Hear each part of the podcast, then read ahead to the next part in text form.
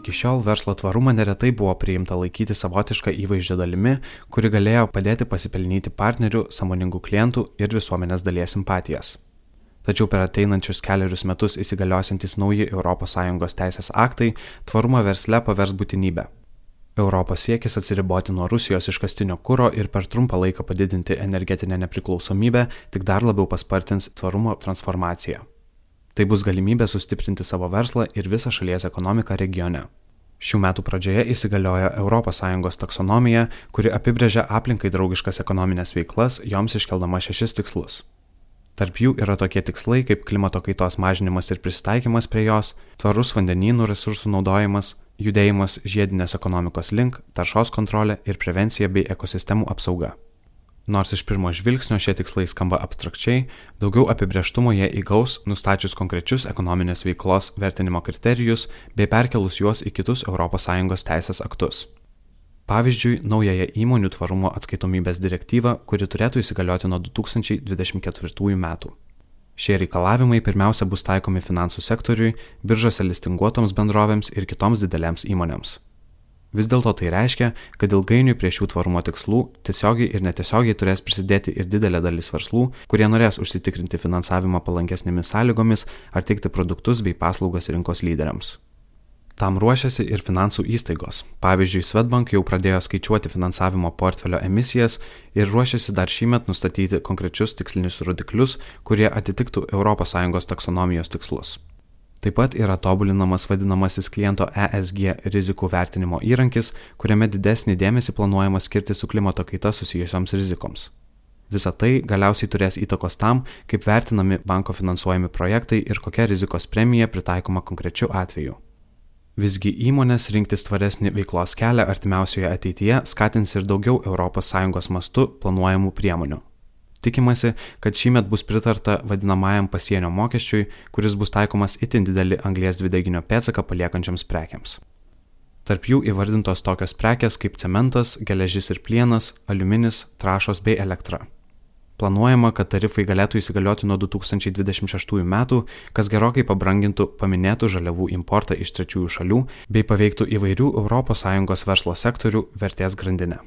Be to, Lietuvoje praėjusiais metais priimtoje nacionalinėje klimato kaitos valdymo darbo atvarkėje iškelti ambicingi tikslai iki 2030 metų reikšmingai, tai yra bent 20-40 procentų sumažinti anglės dvideginio emisijas, didžiaja dalimi atsisakyti iškastinio kūro naudojimo ir pereiti prie atsinaujinančių energijos šaltinių, paskatinti žiedinės ekonomikos procesus.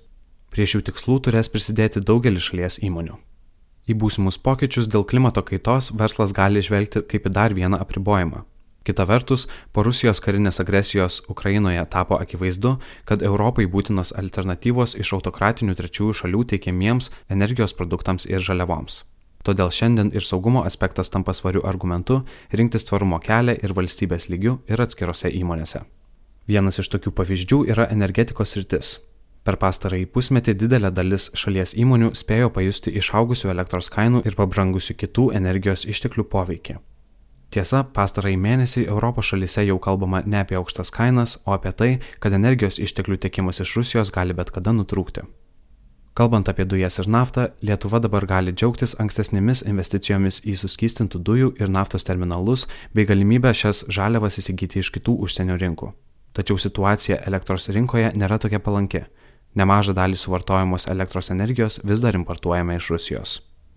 Šiuo metu Lietuvoje sudarytos vienos palankiausių sąlygų nuotoliniai elektros gamybai. Beveik kiekviena įmonė šiandien turi galimybę investuoti į nuotolinę saulės elektrinę, greitai rinkoje atsiras ir vėjo elektrinių pasiūlymų, bei taip užsitikrinti praktiškai fiksuotą elektros kainą ilgam laikotarpiui, prisidėti prie emisijų mažinimo ir vietinės energijos gamybos. Tai reiškia padidėjusi verslo atsparumą ir energetikos kainų šokams, ir reguliacinių priemonių poveikiui, ir kraštutiniam elektros tiekimo iš Rusijos nutraukimo scenarijui. Šiandien naudojame saugumo dividendais iš investicijų į dujų ir naftos terminalus. Nukreipę investicijas į atsinaujinančios energijos rytį, galime sustiprinti ir elektros rinką.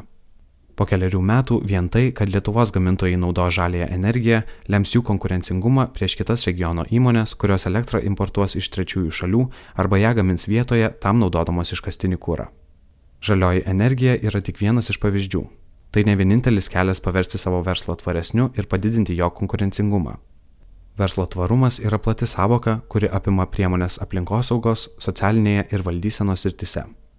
Be minėto pavyzdžio su atsinaujinančia energetika, kitoms įmonėms, pavyzdžiui, veikiančioms paslaugų srityje, gali būti aktualiau dėmesį skirti darbuotojų geroviai, kuri priskiriama socialiniai sričiai.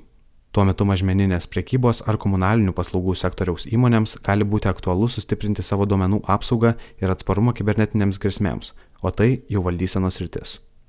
Tvarumo politika formuojama ne tik kaip reikalavimas, bet ir kaip galimybė sustiprinti savo verslą, paruošti jį ateities išbandymams ir išryškinti visos Lietuvos regioninį pranašumą. Komentarą paruošė Svetbank verslo klientų tarnybos vadovas Antanas Agatauskas. Įgarsino Kristijonas Vaičiukauskas.